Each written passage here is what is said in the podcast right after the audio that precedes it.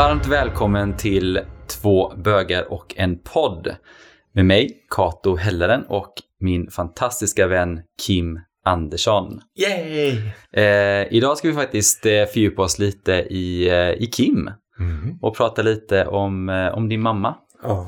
Eh, du nämnde ju henne lite i förra avsnittet och just det här med att hon gick bort och så. Så jag ska faktiskt prata lite om att du, du hann ju aldrig berätta för henne att du var bög. Nej. Precis. Så eh, följ med när Kim berättar sin historia.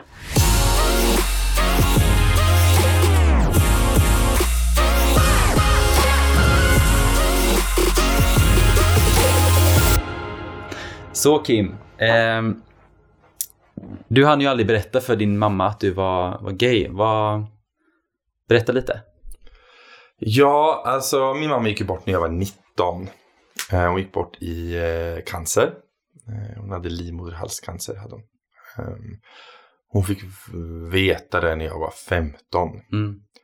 Och, ehm, ja, och grejen är den att eh, de, av någon oförklarlig anledning så bestämde de sig för att inte berätta för mig att hon var sjuk. Utan de tänkte så här, ja men nu, nu behandlar jag mig, jag opererar mig, får bort det här. Och Så sen- alla visste förutom du? ut, alla utom jag. För jag var 15 och jag hade haft en väldigt tuff skolgång. Mm. Så min mamma ville inte att jag skulle behöva få ännu mer att tänka på. Liksom. Och det Mm. var nian, du vet, man ska sluta, Ja. man ska framtid och det är mycket som går i huvudet. Och det är jobbigt som det är liksom? Ja, precis. Så att de tänkte så här, men vi berättar ingenting nu. Um, så uh, vart det ju inte bättre.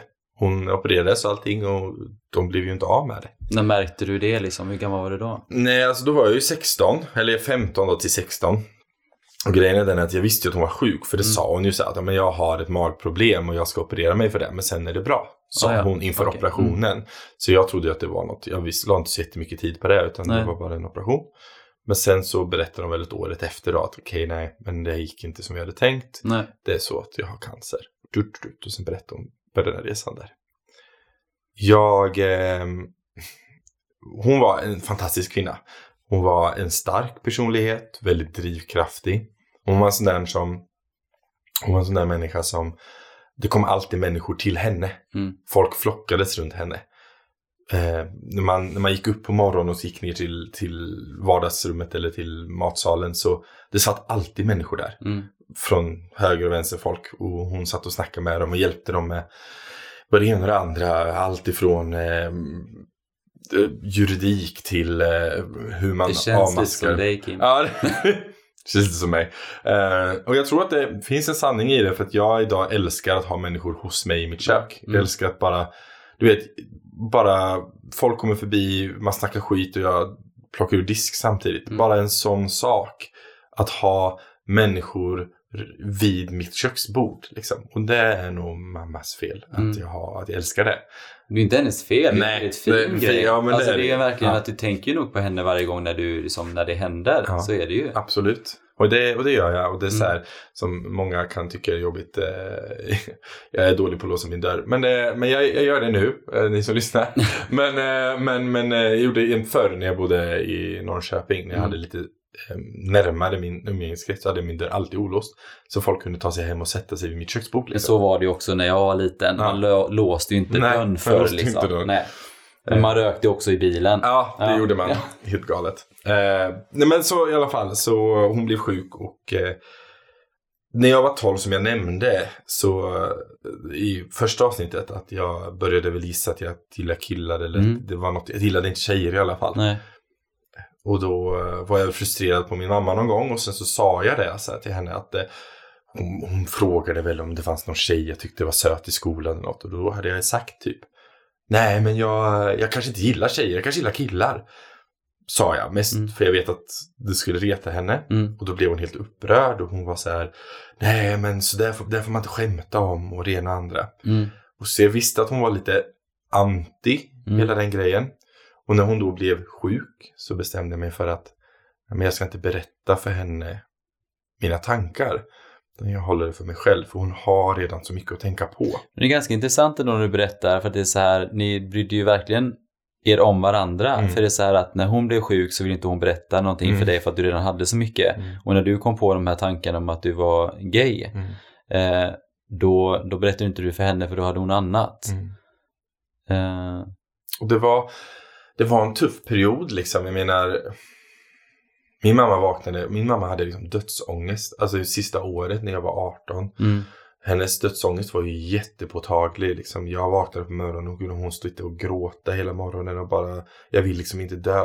Nej. hon. Och där står jag, 18 år, och jag vet inte riktigt vad jag ska göra med den känslan. Eller den, och jag menar, hon var ensam hemma med mig och det enda jag kunde göra är lägga mig bredvid och hålla om henne liksom. Gud vad jobbigt. Ehm, och då kände jag liksom inte att det fanns en plats att säga, jo by the way, jag gillar killar. Nej. Det kändes inte så relevant i det hela, utan det som kändes relevant var hon och jag där och då, eh, den tiden vi har tillsammans. Mm.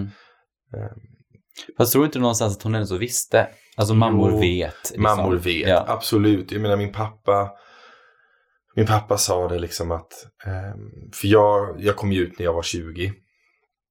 Eh, för hon gick bort när jag var 19. Eh, och då så sa jag det till, till pappa typ fem år efteråt. Mm. Liksom, så här. Jag fick liksom aldrig berätta för mamma. Och han bara, nej men du behöver inte vara så orolig för hon visste. Mm. Vi hade ofta den diskussionen om kvällarna. Mm. Att du kanske gillar killar. Och hon kanske inte var jättepositiv till det. Mm. Men hon hade ju älskat det oavsett. Mm. Eh, Och det, och det gjorde mig glad. Och jag Mm. vet väl det inombords också. Mm. Att hon, eh, att hon hade gjort det. Hon hade älskat mig oavsett. Och det är nog också det som hon tänker just där att du hade jobbigt med din skolgång och sådana Mm. saker. Men det var kanske därför också hon kanske inte berättade för att hon vet att du gick igenom väldigt mycket Mm. med dig själv liksom. Mm. Det är ju det. Ja, Att- så är det. Så hon visste ju så liksom. Mm. Och, och, och jag vet hon ifrågasatte aldrig liksom. Det, när jag tänker efter så här. Hon, under den perioden hon frågasatte aldrig heller om jag hade en tjej eller någonting. Nej. Utan hon bara. Hon frågade mest hur jag mådde och Mm. vad jag gjorde och Mm. hur jag hade det. Mm. Sen var hon ju väldigt överbeskyddande så att när jag typ skulle gå ut och festa när jag var typ 18 när jag började gå ut. Så var hon så här, du måste ringa när du kommer hem och jag vill veta att du är okej och sådär. Mm. Ehm, Så hon var väl väldigt beskyddande liksom. Och jag är yngst, alltså jag har ju tre stora systrar. Så det är såklart att de... Jag blev ju liksom guldpojken. Det är ju så. Hon, hon och jag var den enda killen. Mm. Och det var ju också någonting jag slogs med. Du vet, tre systrar. Jag är enda killen. Såklart hon ska få en svärdotter. Alltså jag var så här, de tankarna hade jag för att jag tänkte att det är jätteviktigt för dem. För att de vill verkligen ha en kille. Mm. Då måste jag leva upp till den rollen som kille. Och då är det att ha en tjej då, Mm. tänkte jag. Eh, idag så är jag mer så här, ja, det spelar ju ingen, ingen roll. Nej. Men man är, man är 16, man är 17, man är 18. Man har en mamma som är väldigt, väldigt, väldigt sjuk. Mm. Eh, och man vill liksom att hennes lidande ska vara så minimalt som möjligt. Man vill liksom inte, man vill liksom inte påverka med mer i hennes, i, hennes, i hennes vardag. Sen kanske hon, alltså samtidigt som jag vet att hon, hon hade ju problemet att till exempel när hon var så sjuk att hennes vänner drog sig undan. De här, de här när jag vaknade på morgonen, det satt alltid folk runt köksbordet. Mm. Det försvann när hon blev sjuk. Ja. För att folk, folk ville inte störa henne. Det var deras, deras, de kunde inte hantera att hon var sjuk. Och de, kunde inte, de kände att de trängde sig på. Mm. Men det enda hon ville var att folk trängde sig på. För hon ville bara ha en vardag. Hon ville liksom inte ha den här, tänka på att hon har ont eller att hon mår, illa av cellgifterna. Eller Nej. Eh, att hon tappar håret på grund av allt. Eh, hon, hon ville bara ha en, en vardag. Eh, och då återigen så blev det mycket att hon frågade hur min vardag var, hur jag Mm. mådde och sådär. Eh, och då sa jag mycket, men som sagt var jag sa ju aldrig att jag var gillade killar eller att jag funderade på att gilla killar. Så, Men hade du velat nu i efterhand, hade du velat att det var så här? Alltså, hade du velat ändra någonting med eran, liksom, eran sista tid tillsammans? Ja, det hade jag nog. Jag hade nog velat berätta. Samtidigt hade jag inte velat... Det är det här, jag vet ju hur hon... Hur hon... Alltså min tanke var ju så här att jag berättar när hon blir frisk. Mm. Det var ju min tanke. Hon blev aldrig frisk. Nej. Hon, hon dog i det liksom. Eh, Hade du velat att hon tog upp det? Ja, kanske. Om, hon var, om, om, jag, om jag spolar tillbaks och hon fortfarande var sjuk och hela den situationen vi var i. Då hade jag nog velat att hon tog upp det. För Mm. jag hade nog inte berättat i alla fall. Och jag hade Nej. nog fortfarande känt att jag inte hade velat berätta. Hon var sjuk och jag ville inte Och jag har fortfarande inte att hon skulle behöva ha mer huvudbry och Nej. mer jobb i livet. Utan jag hade ju velat att hennes sista tid på jorden ska vara så, så lätt som möjligt. Mm. Den ska vara så mjuk som möjligt. Så då hade det varit, om hon hade, om hon hade dragit upp det, då hade jag berättat. Mm. Vet jag. Det hade jag gjort. Och jag vet att redan där när jag var runt 17-18 så vet jag vi hade en hemmafest. För jag bodde hos min syster Titti. Mm. Jag var bara hemma om helgerna. Och när mamma blev väldigt sjuk så var jag hemma hela tiden. Men annars så var jag hemma bara om helgerna. Och då vet jag på en fest där så hade vi hennes granne. Mm. Eh, hennes bror är, eh, är gay. Mm. Eh, Så hon kom fram till mig och sa Kim det är okej att gilla killar och du, du, du, du, för hon, hon visste ju liksom. Mm. Hon såg ju och hon, hon visste vad man skulle titta på och hon Ja. visste hur man var liksom. Eh, och även fast jag då sa så här, nej nej men jag, jag blir nog kär i den personen jag blir kär i tror jag jag sa då. Eh, så var det ändå skönt att veta att det fanns någon som ändå var okej med det. Mm. Och sen så vet jag att eh, det var en tuff period när mamma gick bort. Det var eh, det är ju såklart alltid tufft när någon går bort och speciellt ens mamma och när man är 19 år. Gud ja. Eh, hon, fick, hon fick vara med den sista tiden hemma. Hon fick dö hemma i sin egen säng och det Mm. var väl det var fint, hela den biten. Eh, och jag vet att hur tufft vi hade den perioden efter, vad man än gjorde, du vet. Födelsedagar, jular, alla högtider, man bara satt och grät. Typ Mm. alla satt och grät för det Mm. var bara jobbigt. Mm. Eh, och jag vet att hon gick bort 2006. eh, I eh, september. Och sen så vet jag att sommaren därefter, 2007, så kom jag ut. Då vet jag att jag samlade mod eh, under hela den perioden för Mm. att våga berätta. På den här festen då. På den här festen Mm. som jag blev full och hela den grejen. Ehm, jag behöver lite alkohol för att bli lite modigare. Men, för du tappar ju lite av dina, såna här, dina tonår där Mm. liksom. Just att du tappade, för jag menar 20 är ju ganska, alltså det är ganska normalt Mm. att komma ut Mm. under den perioden. Niklas var ju 25 när han kom ut och jag var ju 18. Mm. Eh, men alltså hade du kommit ut tidigare om det var liksom, alltså vad känner du att du har förlorat eller vad? Mm. Absolut, alltså jag känner ju så här, och det är egentligen inte bara för att jag inte kom ut som gay, utan jag förlorade ju mycket av min tonår i alla fall. Du vet det här att man får ha tonårstrots. Man får, eh, man är lite, gör lite vad fan man vill. Man kommer i bråk med ens föräldrar. Man, Mm. Hela den här grejen som kanske är ganska klassiskt. Jag hade ju inte det för att min mamma var så sjuk. Mm. Så att jag ville ju inget annat att hon skulle ha det så enkelt som möjligt. Så att jag var ju, jag var ju hemma. Jag spelade mycket tv, dataspel liksom. Mm. Jag levde på nätet och Mm. hängde där med vänner för att jag ville vara tillgänglig hela tiden. Så jag gjorde mycket val, även mitt, mitt val till universitet ju valde jag ju på grund av henne liksom. Jag, eh, jag pluggade grafisk design i Norrköping. Mm. Min plan var att jag skulle plugga juridik, jag ville bli jurist. Mm. Men hon var så sjuk och det fanns ingenting i Norrköping som hade det. Så då valde jag grafisk design och kommunikation istället. Mm. För, att jag, för att jag ville vara nära henne. Och det älskar du då? Ja, absolut. Jag inte, ångrar inte mitt, mitt yrkesval överhuvudtaget. Det gör jag inte. Eh, Men det begränsade vad jag bestämde mig för att göra Mm. i mitt liv. Jag hade planer kanske till Stockholm eller de grejerna och jag gjorde inte det. För att jag kände att det är för hennes skull jag är här. Och nu var min mamma fantastisk på många vis. Hon sa alltid till mig sen när jag hade de här bekymmerdagarna, man hade dagar gick upp och ner liksom. Hon Mm. sa det. Men nu Kim, nu behöver du inte tänka på mig idag för att jag har inte bestämt mig om jag ska leva eller dö. Så du kan, du kan, ta, du kan ta det lugnt. Liksom. Ehm, och det var på något vis lite fint för det fick mig att liksom skratta lite åt det. Liksom, att någonstans att det låg i hennes, hon bestämmer. Mm. Det är såklart inte hon bestämde men, Nej. men någonstans så var det en, den känslan jag hade. Och det fick mig liksom att pusha vidare. Men eh, absolut, jag jag började ju liksom inte gå in online och på nätet förrän jag var kanske, alltså kolla gay-grejer, relaterade saker förrän jag var kanske 18, Mm. 19 där. Ehm, För att jag hade, mitt fokus låg ju hemma. Mm. Mitt fokus låg ju att se till att hennes vardag var så enkel som möjligt. Men tror du inte att du har fått ansvaret som du har idag via det liksom? För det är också en del av en uppfostran liksom. Absolut. Men man behöver inte ha en trotsålder. Nej. Utan du, du tvingades ju att växa upp snabbare. Ja. ja, verkligen. Ja. Och det, jag menar så här, när jag ser tillbaks så jag, all den tid jag hade, den, den, jag ångrar inget av det. Nej. Jag jag inget av mina val jag gjorde under den tiden. Jag ångrar inte att jag valde en skola i Norrköping. Jag ångrar inte att jag var hemma hos henne. Sov, alltså att vi, vi, var, vi var nära varandra för den tiden, för den tiden vi fick. Vi fick ingen mer tid. Nej. Eh, när jag var 19 så stod den tiden slut. Mm.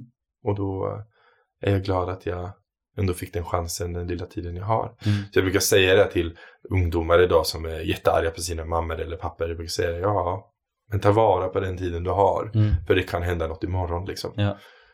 Ehm, Det är inte så- det är så lätt när man är sur på ens förälder just då att tänka så. Men ja, men jag, jag är tacksam att jag tog den tiden. Mm. Eh, och jag hade sista veckan, vi, eh, mina systrar eh, och jag, vi, vi delade. Jag och Titti tog nattpass och var hos henne dygnet runt. Och eh, Janet och Linda tog dagspasset och var där. Eh, och jag har nog aldrig haft så roligt med min mamma under den tiden som jag hade då. Nej. Hon var jättesjuk, hon var jättemorfinhög. Och när kroppen är på väg att dö så går man liksom tillbaka i tiden. Ja. Så hon hade sådana kommentarer, jag kommer aldrig glömma dem liksom. Hon hade kommentarer som hon kunde sätta sig upp i sängen och bara Har jag stängt av spisen? Vi bara Ja, mamma det har du. Hon har liksom inte varit hemma på typ tre veckor. Nej. Ja, det har du. Hon bara, ja, för jag gjorde choklad till Kim i morse. Jag bara, typ tio år sedan sist, men absolut, tack. Mm. Eh, den är avstängd, du kan vara Mm. lugn liksom. Sådana saker. Hon kunde vakna och bara, gud jag är sugen på en cigarett. Vi bara, du slutade röka för 30 år sedan. Mm. Eh, det är liksom så. Så eh, vi hade väldigt, väldigt roligt. Eh, och jag har en tatuering på min rygg. Eh, som är ett monument efter min mamma. Som vi alla syskon har. Och min pappa har samma tatuering. Och det var en sak hon sa sista veckan innan hon gick bort. För då kom sjuksköterskan in i, för då låg hon på sjukhuset innan hon fick åka hem sista veckan. Och sa så, gud vilka fina barn du har som är här hela tiden. För att det är väldigt många som har, när de hamnar på den avdelningen som är som sista anstaltsavdelning, så är det många som blir väldigt ensamma. För barnen klarar inte av att vara där. Liksom. Medan vi var mer så här, men vi är där hela tiden. Mm. Då sa hon så här, ja vilka fina barn du har. Då sa, min mamma var ju som sagt lite morfinhög och lite, hon var ju på väg att dö liksom. Och hon tittade rakt in i sjuksköterskans ansikte och bara, ja, men vår familj är som ett enda stort spindelnät. När någonting händer, då går vi tillsammans och så hjälps vi åt. Det var så himla fint. Mm. Så vi, eh, vi tatuerade in det allihopa. Mm. Min mamma hatar tatueringar, ironiskt. Eh, men vi alla tatuerade in det. Eh, så det har vi på våra ryggar. För det, det betydde något liksom. Mm. Och sen så fick hon komma hem sista veckan. Och jag, jag ångrar inget av det. Nej. Jag ångrar inte en sekund att jag tillbringade all den tiden jag gjorde med henne. Jag menar, jag umgicks inte med vänner, jag, jag gick aldrig ut och festa, jag, jag hade inte den. Så jag menar, min student, då var jag, jag hade, jag hade fyllt 18 måste det ju varit då. Men det var ju halvår innan hon gick bort. Då var hon så sjuk att hon satt i rullstol. Mm. Eh, Så då vet jag att jag sprang ut på utspringet och sen så, du vet, man kastar hatt och allt det här. Och sen så går man ut i vimlet och försöker hitta sin familj. Och så hittade jag henne och då satt hon i rullstol. Och det var Mm. första gången jag såg henne i rullstol. Mm. Och jag vet hur mycket jag började gråta. Mm. För att det, så, det var liksom, det var nästa steg Mm. i hennes sjukdom. Eh, Och hon började gråta och jag började gråta. Och vi alla stod och grät. liksom. Så vi var glada men ändå ledsna. För det var liksom så. Och hon var liksom så himla dålig. Men hon var där i alla fall. Hon var där. Mm. Och hon tog sig igenom. Och så vet jag att vi åkte hem till min syster Titti. Och så hade vi liksom studentfesten och jada jada. Mm. Så skulle man gå ut på kvällen och festa med sina klasskamrater. Mm. Men jag minns att jag, jag tog en flaska vin och så gick jag in och la mig i soffan bredvid morsan. Och så låg vi och pratade. Mm. Det var det jag gjorde på min studentfest. Eh, och jag ångrar inte en sekund. Nej. Det var så fint. Mm. Och det var liksom, det var hon och jag. Och jag visste att nu är det, nu är det inte långt kvar. Liksom. Och sen ett halvår senare så fanns hon inte med. Nej. Så det var, det var fint. Och det är också skönt att man kan titta tillbaka på den tiden man ens hade ihop. Ja, Och inte ångra Absolut. någonting. ingenting. Nej. Jag ångrar ingenting av den tiden. Eh, Men som sagt var, det, det gjorde att jag väntade med att komma ut liksom. Mm. Till att jag, till jag var 20. Och det har format mig väldigt mycket som människa. Mm. Till där jag är idag och vad jag gör idag och mina val jag gör idag. Mm. Eh, Jag tycker det är viktigt med mänskligheten. Jag, som du säger ofta Sim, du är som people pleaser liksom. Jag tycker om människor och det gör jag. Och det är för att jag vet att det är så flyktigt. Mm. För att eh, människor är fina. Och jag tror gott om människor. Så Mm. är det. så är det. Men, eh, Men det vet jag att jag gjorde. Och ja, jag tycker det är fint. Så det var lite om min mamma. Och hon Mm. är fortfarande min stora idol. Mm. Alltså hon... Fan vilken vilja hon hade alltså. Hon gav inte upp. Nej. Och jag känner att... Och när folk säger så här, hoppet är det sista som lämnar den. Mm. Ja, det är sant. Mm. För jag har faktiskt sett det lämna någon. Det sista. När, när det här, den här lilla glöden i ögonen finns och när den släcks. Och när man bara, ja. Och det är någonstans fint i det med. Mm. Så att jag, eh, ja. Det, det var en tid i mitt liv som var väldigt spännande. Och väldigt, alltså format mig Mm. något så fruktansvärt mycket. Mm. Mm. Och du är en jättefin person. Tack. Jag tycker du har, livet har format dig jättebra. Ehm, men tack så jättemycket för att du ville dela med dig ja, och prata om det. ja, absolut. Och ehm, ja, Mm. jätte, jättefin historia. Det det med spindelnätet visste jag faktiskt inte. Nej. Det är inte Ehm, som jag, jag går inte omkring i bara överkropp och flashar med den så ofta. Nej men jag har ju sett den. Ja, men jag visste att du hade den. Ja. Men jag visste inte att det var därför. Det var en jättefin eh, tanke bakom liksom så. Mm. Så, eh, Så vet ni också det nu, du som lyssnar, så är det. Eh, ja, är det några frågor? Alltså så här är det ju. Vi alla formas ju beroende på hur man är och vad som händer runt om en. Mm. Absolut, så är det ju. Och eh, man kanske också haft en, en sån, en, en tuff uppväxt med sjukdom och, och eh, sorg. Det är eh, väldigt individuellt Mm. hur man blir som människa. Jag, jag skulle vara tacksam att jag är en optimist i grund och botten. Mm. Jag, jag ser mycket glädje i allt. Men har man någon fråga så är det man hjärtligt välkommen att skriva till, Mm. till mig. Eller till, eh, till dig Kato. mm. Eh, Jag finns ju på Instagram. Jag heter kim.r.andersson. Och jag heter Kato Helleren. Och jag har också varit igenom alltså, tråkiga saker och det är ju så att livet formar en, Mm. hur man är idag. Mm. Eh, och jag önskar att jag var lika, alltså den personen jag är idag. Jag önskar att jag var så stark när jag var ung liksom. Mm. Att jag hade, hade den erfarenheten som jag har idag med mig. Eh, jag önskar verkligen att jag hade den när jag var ung. Ja. Eh, för att man kunnat påverka lite av de här dåliga sakerna som hände en. Men Mm. det har gjort mig starkare, liksom, precis som med dig. Att Mm. det har format mig som till den jag är. Så man, ska, man, kan inte, man kan inte gå tillbaka och ändra något. Nej. Återigen, tack så mycket för att du lyssnade. Vi hörs. Jajamensan. Hej då!